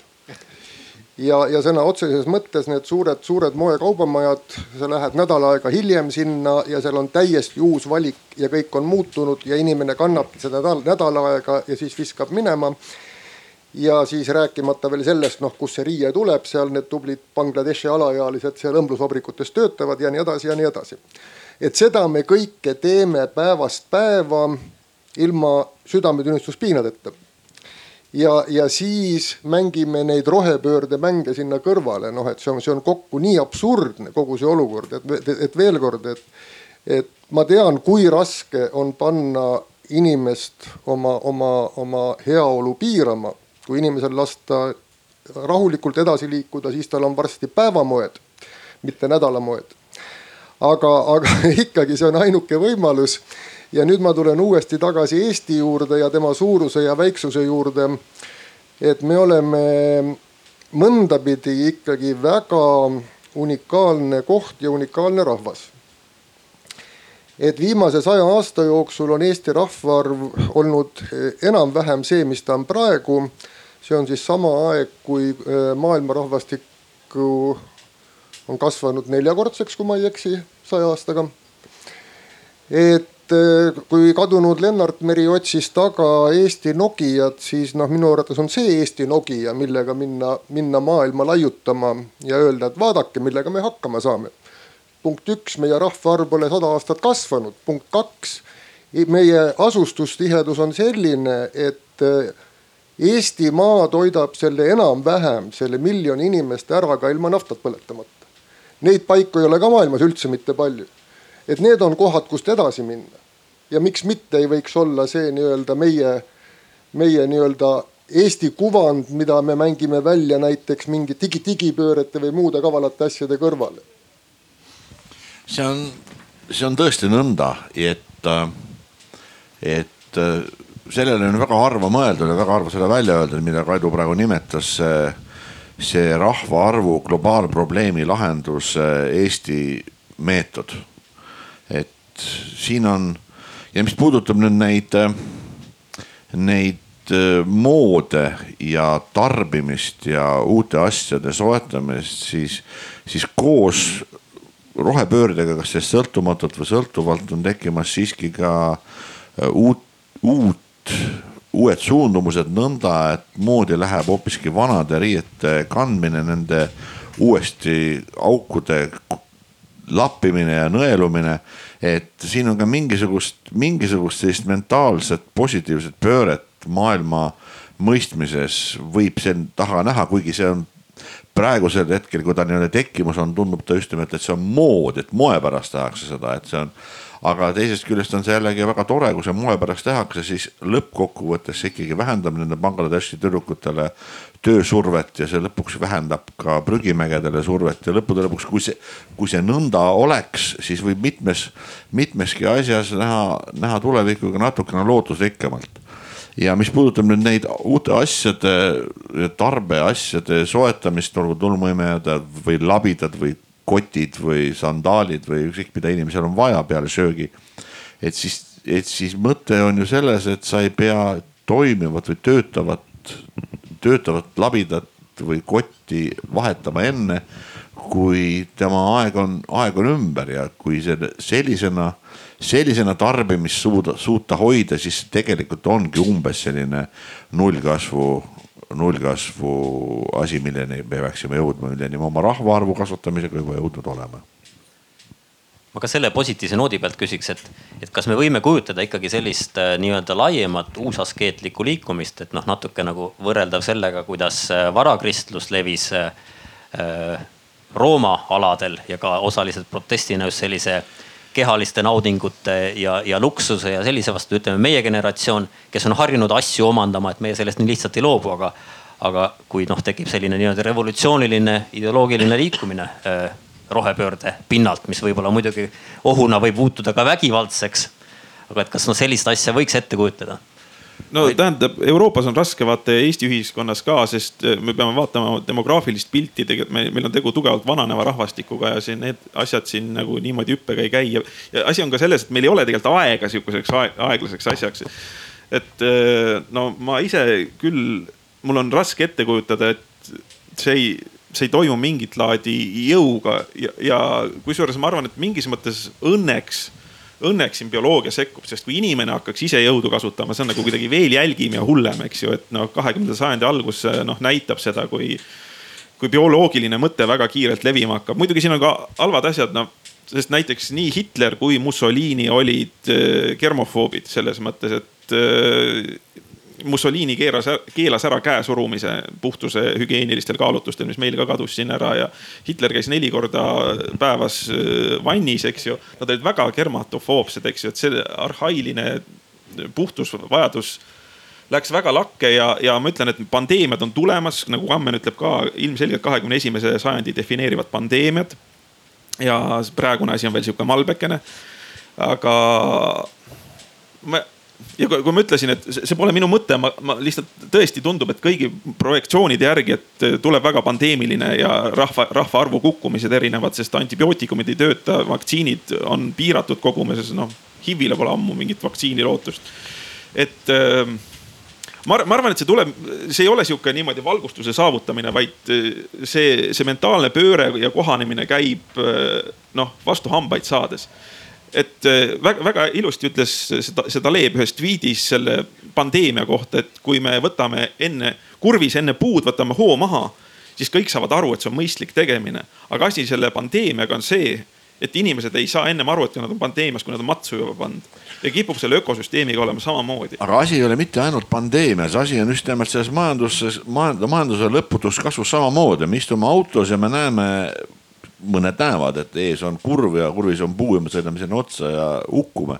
aga seal autos on ikka nii mõnus sõita, sest paned sinna pärast natuke tümpsu veel juurde ja sooja ja siis koemehed suhisevad automaatselt ja tuled lähevad. et väga mõnus on sõita ja me jätkame selle sõitu väga suures mõnus. aga mina küll nii lootus, lootuseta ei ole kui sina, et see peab tingimata tohutu sellise piitsutuse tulemusena tulema, et siin ikkagi, kui kuulata, mida Kaido Kama räägib ja nii-öelda ja võttagi poliitiliseks eesmärgiks nii hästi Eestis kui riikide vahel see, et majanduskasv ei ole mitte põhiline, vaid kuidas sa seda sõnastad, säästlik majanduskahanemine või kestlik majanduskahanemine, kui see võtta ideoloogiaks, liberaaldemokraatliku ideoloogia kõrvale või asemele, et siis, et siis on võimalik ka täiesti poliitiliste ja ideoloogiliste vahenditega maailm ka päästa, et me jõuame kurvi, enne kurvi ikkagi selle mõnusad ABS pidurid ka vajutada. ma võtan selle, selle kujundisse kokku ja see on tõepoolest niimoodi ja see tähendab, et me ütleme, et meil on lootust sama palju kui tuleviku Eesti erakonnal praegu, see peegeldab seda kas me oleme siin praegu erakonna koosolekul? ei, ei, ma lihtsalt tõin selle näite, neil on juhuslikult nii täpne nimi ja nad on sihukesed, äh, ajavad õiget, õiget asja, aga vaata nende populaarsust, eks ju, et noh, see on see valgustuse läbi ja, ja, ja vaata, kes tegelikult noh, no ma ei, me vist ei peaks poliitikuid siin mainima või no aga noh kes kes, kes meil praegu rallivad eh, populaarsuses. aga võib-olla tulevik Eesti erakonnas ei olegi poliitikud, neid võib mainida ju küll. ja siin on järgmine probleem, kuidas saada poliitikud poliitikasse, eks ju, et praegu on seal mingid hampelmannid või otsivad presidenti nagu spunki. ärme nii palju uusi teemasid võta. tulen, tulen tagasi bioloogia juurde, millest siin Mihkel juba alustas ja, ja veel kord niimoodi hästi, hästi puust ja punaselt, kuidas see emakene loodus selle asja on korraldanud. et eh, kui mingi liik mingisuguses ökosüsteemis muutub mingil põhjusel ressursside tarbimisel liiga edukaks, mis tähendab ka tema arvukuse kasvu, siis kohe võetakse see kontrolli alla ühelt poolt kas kiskjate poolt või teiselt poolt haiguste, parasiitide, kelle iganes poolt. et see teeb korra ühe laine ja see leiab kohe oma koha jälle tagasi, see ongi see, see, see looduslik tasakaal, mille peal kogu asi töötab nüüd inimene on nendest äh, loodusliku tasakaalu mehhanismidest äh, väljunud tänu oma mõistusele. ajutiselt. ja, ja see väljumine on toonud meid praegu üsna, üsna lähedale hukatuslikele tagajärgedele et loomulikult ei ole minul ka palju usku, et seesama mõistus, mille abil inimene on need trikid kõik ära teinud, et selle mõistuse abil oleks võimalik ka nüüd hakata uues olukorras mõistlikult käituma aga noh, see on nagu ainus lootus, ühtegi muud lootust ei ole, siis ülejäänud lootused ongi see, et noh, koroona peale ma nüüd palju ei looda, aga siis peab ikka mingi päris tõsine katk juba tulema, et koroona kohta, noh, see on nihuke, nihuke nii, nii, nii leebe nihukene lasteaia liivakastimäng, et sellega ei tasu palju oma lootust rajada tema peale. Mihkel ütles, et peab tegema suurema liivakasti et tulebki teha suurem liivakast, et sinna mahuks suurem ja ohtlikum koroona, ma saan aru. et selle jätkusuutliku kahanemise teemal tegelikult ju on meil ees Jaapani majandusmudel, mida kõik nii-öelda läänepoolsed majandusspetsialistid ütlesid, et see on Jaapani suur läbikukkumine, miks nad kaheksakümnendatest aastatest peale ei ole kasvanud. aga Jaapaniga ei ole mitte midagi juhtunud, et inimesed elavad ikkagi seal eh, täiesti normaalset elu, et. jah, ja Jaapan ei muretse selle pärast, et, et jeenil ei ole inflatsiooni ja, ja, ja kogu seda jama ei toimu, mis, mis meil siin toimub. Jaapan on väga hea näide aga ma nüüd äh, äkki annaksin vahepeal siis äh, sõna publikule, et teil on ka arvatavasti küsimusi tekkinud, jah. palun, et saate mikrofoni ka. Äh, tere, aitäh vestluse eest, mul on tegelikult kaks küsimust, aga ma küsin esimese enne. ma tulen selle rongi teema juurde tagasi, ma tahan ühe asja ära mainida, mida hästi palju meedias on räägitud, aga mida teie ei puudutanud ja tahaks, et te kommenteeriks seda lauset ka. et üks inimene, selleks meheks on Euroopa Komisjonist Hendrik Hololei ütleb, et alla tasuks kriipsutada ka julgeolekupoliitilist dimensiooni, sest mitut Euroopa riiki ühendavad taristuprojektid on alati strateegilise tähtsusega. ühendus muu Euroopaga suurendab julgeolekut. mis te sellest arvate, täitsa siiralt? ma võin öelda seda kohe, sest ühendus, raudteeühendus Euroopaga on ju olemas, rööpad on olemas, aga neid ei kasutata, selle asemel, et neid kasutada säästliku majanduse mõttes panna rongid sõitma, ei suuda me isegi Läti ja Eesti vahel korraldada rongiliiklust.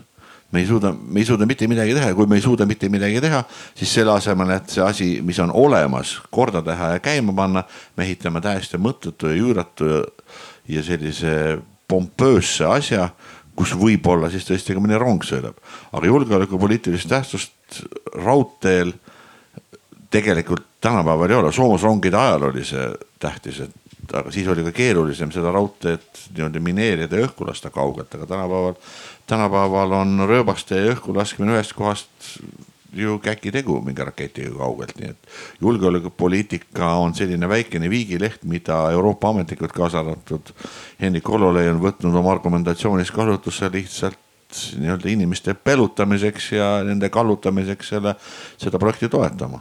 see on minu arvamus selle asja kohta et ma ka lisaks juurde, et ega tankid ei vaja ju sada kuuskümmend kilomeetrit tunnis äh, sõitu, et kiiresti Eestisse jõuda, et, et nad saaks suurepäraselt tulla ka mööda vana Pärnu trassi, kui see oleks äh, alles jäetud, et see on, see on üks aspekt. Ja teine just see, mida Toomas Kiho ka mainis, et see on jälle väga habras, kui ehitatakse selle ideega, et kõik sõltub ühest äh, sellest ühendusteest, et see on ju kõige lihtsam, see läheb üsna Kaliningradi äh, lähedalt läbi, et seda läbi lõigata et selle raudteega on, on täpselt see asi, mida ma alguses nimetasin, et ega me pole algusest peale teadnud, milleks seda vaja on, aga ehitamise tahtmine on hirmus suur.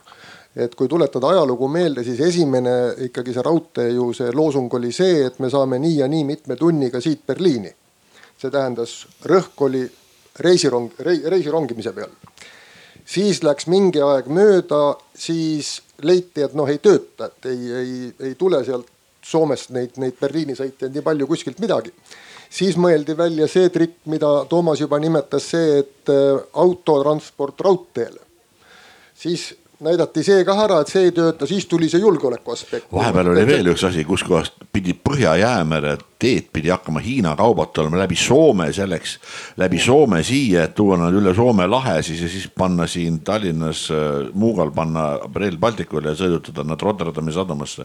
see oli üks jaburamaid äh, konstruktsioone. et lihtsalt raudteega on see, selles mõttes kogu see asi pahupidi, et peaks käima nii, et me teame midagi, midagi, mida meil on vaja ja siis hakkame mõtlema, et mis on nüüd see vahend, millega seda saavutada või kuidas, aga praegu siin on kogu, kogu aur on vahendi peal ja siis mõtleme, et aga milleks me võiksime seda kasutada, niimoodi järjest uusi põhjendusi välja sest minu arust seda, seda teemat on meedias suhteliselt vähe kasutatud. asi on selles, et noh, ta on nagu päriselt õudselt ebaveenev, sest nii kui sa natuke mõtled, et aga kuidas ta on seotud nagu julgeolekuga või mis või et nagu hakkame tanke vedama või noh, noh hästi kiirelt nagu pudeneb laiali ja sellepärast seda trummi ei taotagi eriti. ja noh sest kui ta oleks nagu tõesti väga vingi julgeolekuprojekt või nagu vajalik, siis, siis ikka ma arvan, seda trummi taotaks ja noh, kui öelda, et noh, aga me ei saa välja rääkida, et see on meil salajane, siin teeme, et muidu venelased saavad aru, et me teeme siin endale kaitseprojekti, noh. see on, noh, see on veel naiivsem, eks ju, et noh, siis on loomulikult kõik välja teada, aga. et see nagu, nagu see on nagu tõesti, mul tekitab alati küsimus, et kuidas ta kaitseb või noh, vah, vah. ja veel küsimusi, teil oli teine ka jah? ja mul on teine ka, et äh, see sõna gigantomaania ja ma vaatan seda Eesti kohalikku konteksti ja võtleme siis Eesti avalikku sektorit või ka erasektorit et kui me vaatame, et Kaido Kama mainis siin seda, et nagu maakonnakeskustesse midagi nagu soovitakse ka tihti suuremat teha, et kas meil ei ole ka seda lokaalset gigantomaaniat, et kui meil tehakse näiteks meeletult suuri asutusi või meeletult suuri kontorihooneid, et need koonduvad millegipärast kõik nagu Tallinnasse ja pealinna et kas asi pole nagu selles, et kõik need infrastruktuur ja, ja see gigantomaania ja töökohad ja no ma asutusi ei hakka nagu mainima, aga siin on neid hästi suuri ja need luuakse Tallinnasse, mis tähendab, et töökohad liiguvad ära ja üle-eestilist teenust osa arvab, et millegipärast saab ainult pakkudagi ainult Tallinnas. mis siis, et tarbijad on nagu üle Eesti laiali et kas, kuidas, kuidas te nagu sellist tüüpi gigantomaaniasse, kuidas ta seostub teile? Jah, see on üks osa sellest äh, religioonist, et, et suur on alati hea ja religiooni vastu, nagu teada, ei ole võimalik äh, võidelda ratsionaalsete argumentidega. et tegelikult need kõik need ähm, suured tsentraliseerimised, mis siin Eestis viimase kolmekümne aasta jooksul on toimunud, siis nende nagu äh, peamine põhjendus on äh, säästlikkus, kokkuhoid ja ratsionaalsus ja kõik, mis seal juures on. aga kui võtta nüüd see asi lahti, siis mitte ükski ei haiglavõrk, ei koolivõrk, ei kellegi kulud ei ole vähenenud sellest tsentraliseerimisest vaid, vaid see on läinud kogu aeg kallimaks ja kui me vaatame selle asjale sisse, siis me näeme seda, et tegelikult on toimunud ainult raha kantimine regioonidest keskustesse. Eh, väikestest küladest vallakeskustesse, eh, vallad ei ole ka targemad, käituvad täpselt samamoodi, käituvad niimoodi. valla, eh, valdadest maakonnakeskustest ja, ja üle Eesti muidugi siis Tallinnasse ja, ja kuigivõrd ka Tartusse, enamus kõik Tallinnasse kokku. et sellel ei ole tegelikult ratsionaalset põhjendust jah, me küll regionaalpoliitikast ei ole siin eriti rääkinud ega olen pidanudki kõnelema, aga regionaalpoliitika kuldne valem, mida iga valitsus võiks endal silme ees hoida, on see, et iga otsus, kuhu paigutada raha, mida väiksemasse kohta sa raha paigutad, seda tugevamat reaalpoliitikat sa teed, et see on üks väga lihtne valem, mida saab alati, alati kasutada. Ja mis puudutab nüüd seda linnade ja maakonnakeskuste elu ja olu ja kahanemist, mis, mis on rahavaru kahanemise puhul olemas, siis on päris hea näide on ju Valgast, kus kohas linnaarhitekt on võtnud oma südameasjaks Valga tühjade kolemajade lammutamise selleks, et Valga linnaruum oleks parem ja ta on saanud selliste ideede ja nende elluviimise eest ka üle-euroopalisi auhindu juba, et Valga on tõusnud selliseks musterlinnaks paljude, paljude teiste samade probleemide ees olevate maade ja linnade juures. aitäh küsimuste eest, veel küsimusi, Eeva? mikrofon tuleb sealt või ma, ma küsin vahepeal ära, mul on Aha. see kohaliku gigantomaaniaga, mul tuleb kohe Tartu Süku meelde, et see ei ole ainult Tallinnas, et on ka, on ka mujal selliseid projekte, mis on võib-olla üledimensioneeritud või liiga suured.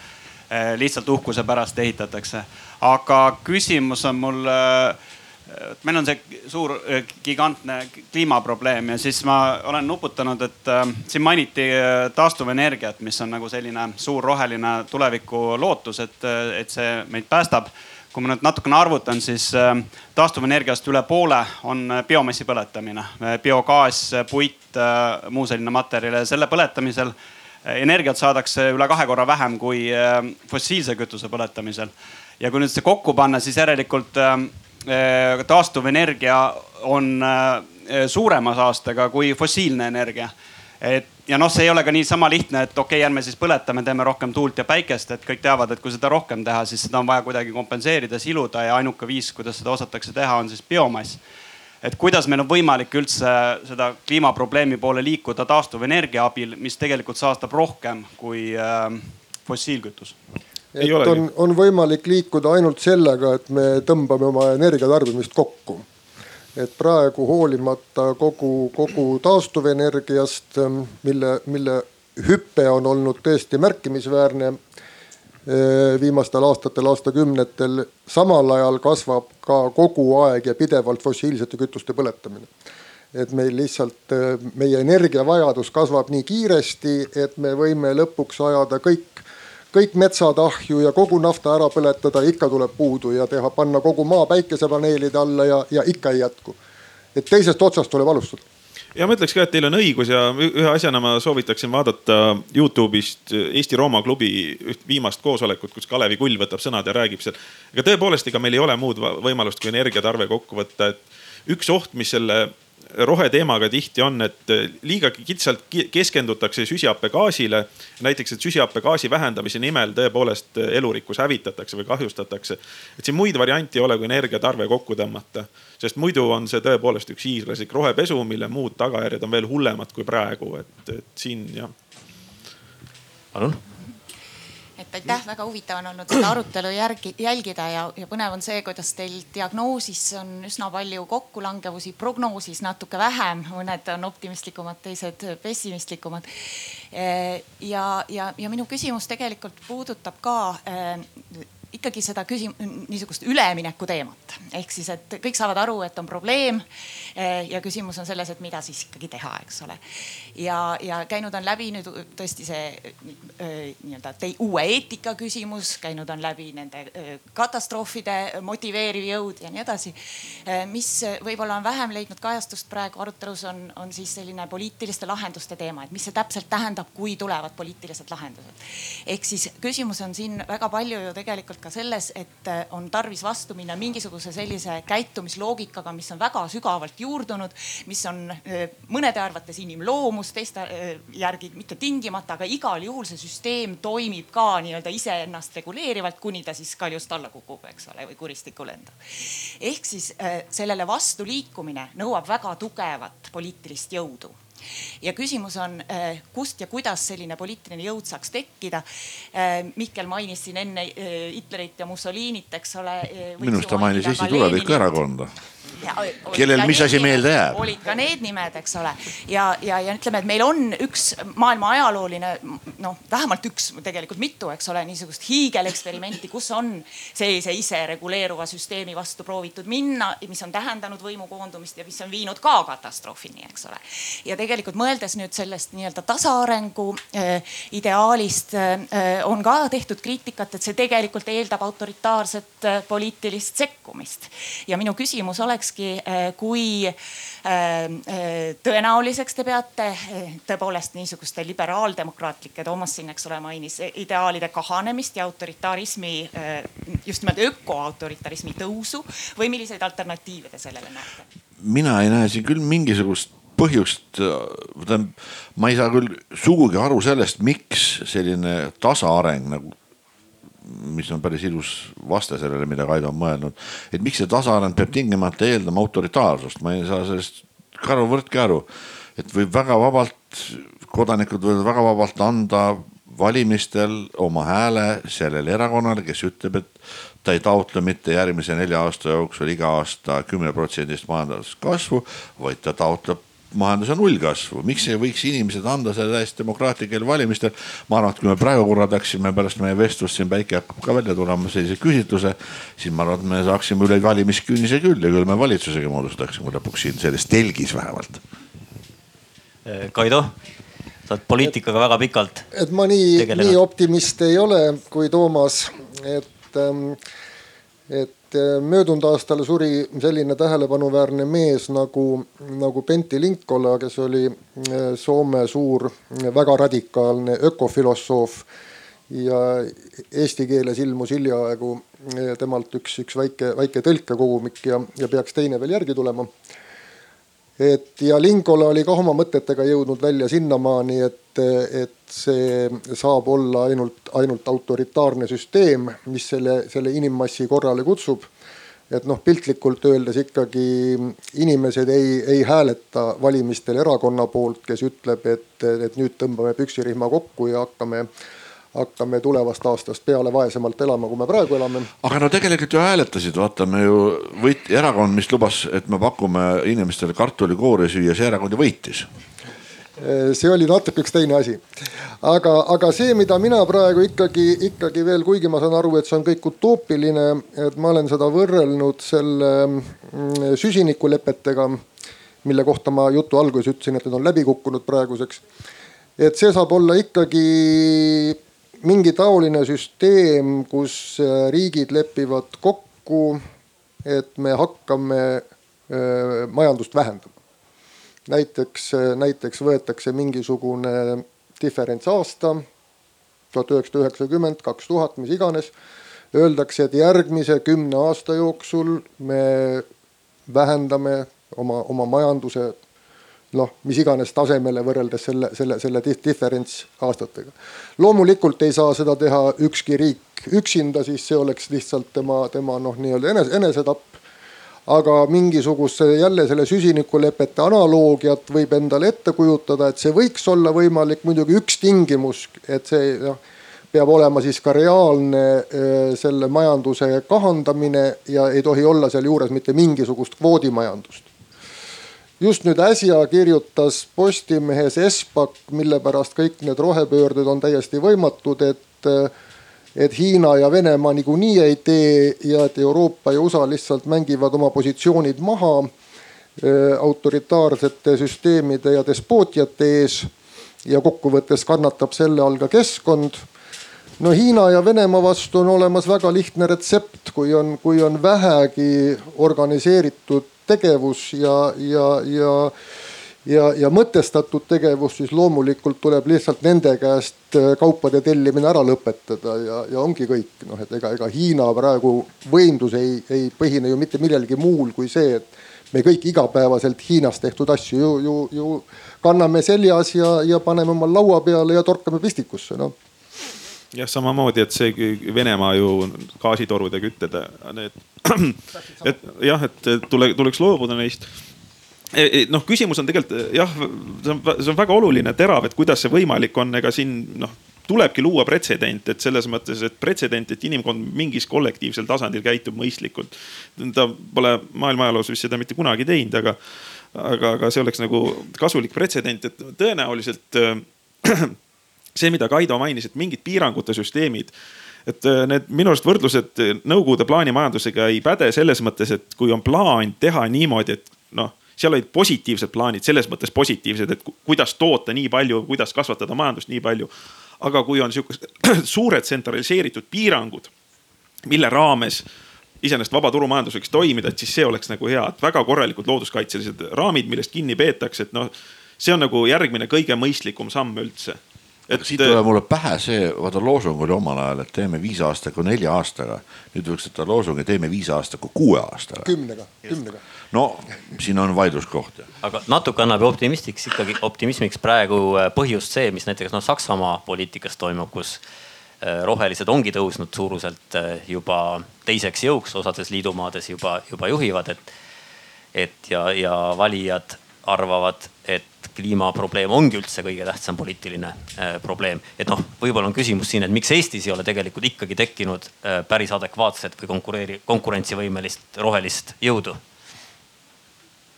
ma olen sellest iseenesest sirpi kirjutanud ühe päris pika artikli ja Kalevi Kull ka andis päris head sisendit seal. Ma ei, ma ei tea, kas seda nüüd on, on väga aega lahata, aga jah, ei ole vist jah juba, juba anti mina, märku, et aeg on juba. mina õnneks kirjutasin Sirpi ühe lühikese artikli samal teemal, nii et selles mõttes lugege parem seda. kas ma annaks, annaks veel igale ühele äh, mõneks lauseks nagu lõppsõnaks selle kokkuvõtteks järeld, järeldusteks? Just, et äkki alustaks siis äh, Toomasest. nojah, lõppsõna. kui nüüd võtta üldse kokku see, mida me tahtsime ütelda või vähemalt, mis mulle tunduks kõige olulisem sellest, mis me, mis siin kõlanud on, on see ikkagi see Kaido üleilmse säästliku kahanemise idee. Kui selle suudame kõrva taha panna iseendale ja lõpuks ka rahvusvaheliselt kokku leppida, siis see on nii oluline, et kõik muu, kõik muu, mis me siin räägime, olgu pikad või lühikesed artiklid Sirbist, on juba teisejärguline. aitäh, Kaido. et jah, et noh säästlik kahanemine on väga lai mm, teemavaldkond, aga tulles nüüd tänase algse teema juurde tagasi, siis, siis selle säästliku kahanemise tõepoolest esimene samm võiks olla nendest kahtlase väärtusega suurprojektidest loobumine. või siis teisisõnu loobumine asjadest, ilma millegata me täna väga hästi hakkama saame et meil, meil ei jää elu seisma praegu, kui meil seda raudteed või tunnelit ei ole. isegi kui meil Saaremaa silda ei ole, elu läheb edasi nii nagu ta on läinud, ühesõnaga, et, et ärme, see, see on nagu mõõdupuu, et, et praegu me ei räägi isegi kahanemisest, räägime siis sellest praegu sellest nullkasvust. et ei ole vaja asju, ilma milleta me oleme tänase päevani väga hästi hakkama saanud aitäh. jah, ma kaks hästi lühikest asja, et üks asi, kui see näiteks mingi tselluloositehas läbi kukkus või et ikka koht kostus retoorilisi hoiatusi, hüüatusi, et kas Eestis nüüd enam ühtegi suurt projekti teha ei või, või, või miljardi tselluloositehast või kanalat hiiglaslikku teha, siis seal oleks öelda jah, enam hästi suuri asju enam ei tee, selles mõttes nendega oleks juba ammu pidanud lõpetama. ja võib-olla, et kuna vahel läheb põlvkonda vaheliseks vastanduseks, et äh, vana, vanad pässid ja noored äh, aktiivsed Greta Thunbergid, et siis et võib-olla sihuke hea üleskutse vanem, vanemale generatsioonile on see, et teil on kogemus, kuidas üks paras komplekssüsteemi kollaps üle elada, elatud, eks ju, Nõukogude Liit kukkus kokku. inimesed hästi palju tegelesid potipõllundusega ja sihukese noh, tõesti, neil on kogemus sellega, kuidas elada niimoodi, et mitte midagi poest saada ei ole ja kuidas hästi vaestes oludes toime tulla. aga samas ajas nagu suhteliselt rõõmus olla isegi, et kartulikoorega, no seda perspektiivi meil ei ole, rõõmu perspektiivi ei ole, aga, aga kuidas vaestes oludes toime tulla, et see on noh, et väärtustada seda, et olime jah, potipõllunikud ja orgaaniliselt sihukesed permakultuurlased ja oh, sai hakkama küll. nii suur tänu, sellel noodil on ka päris hea lõpetada, et äh, aitäh kõigile panelistide, panelistidele äh, väga põnevate äh, viljakate arvamuste eest ja aitäh ka publikumile ärakuulamise ja teiepoolsete küsimuste eest. huvitav on veel see, et vaata inimesed oli juurde järjest, et see on väga tore. see on hea märk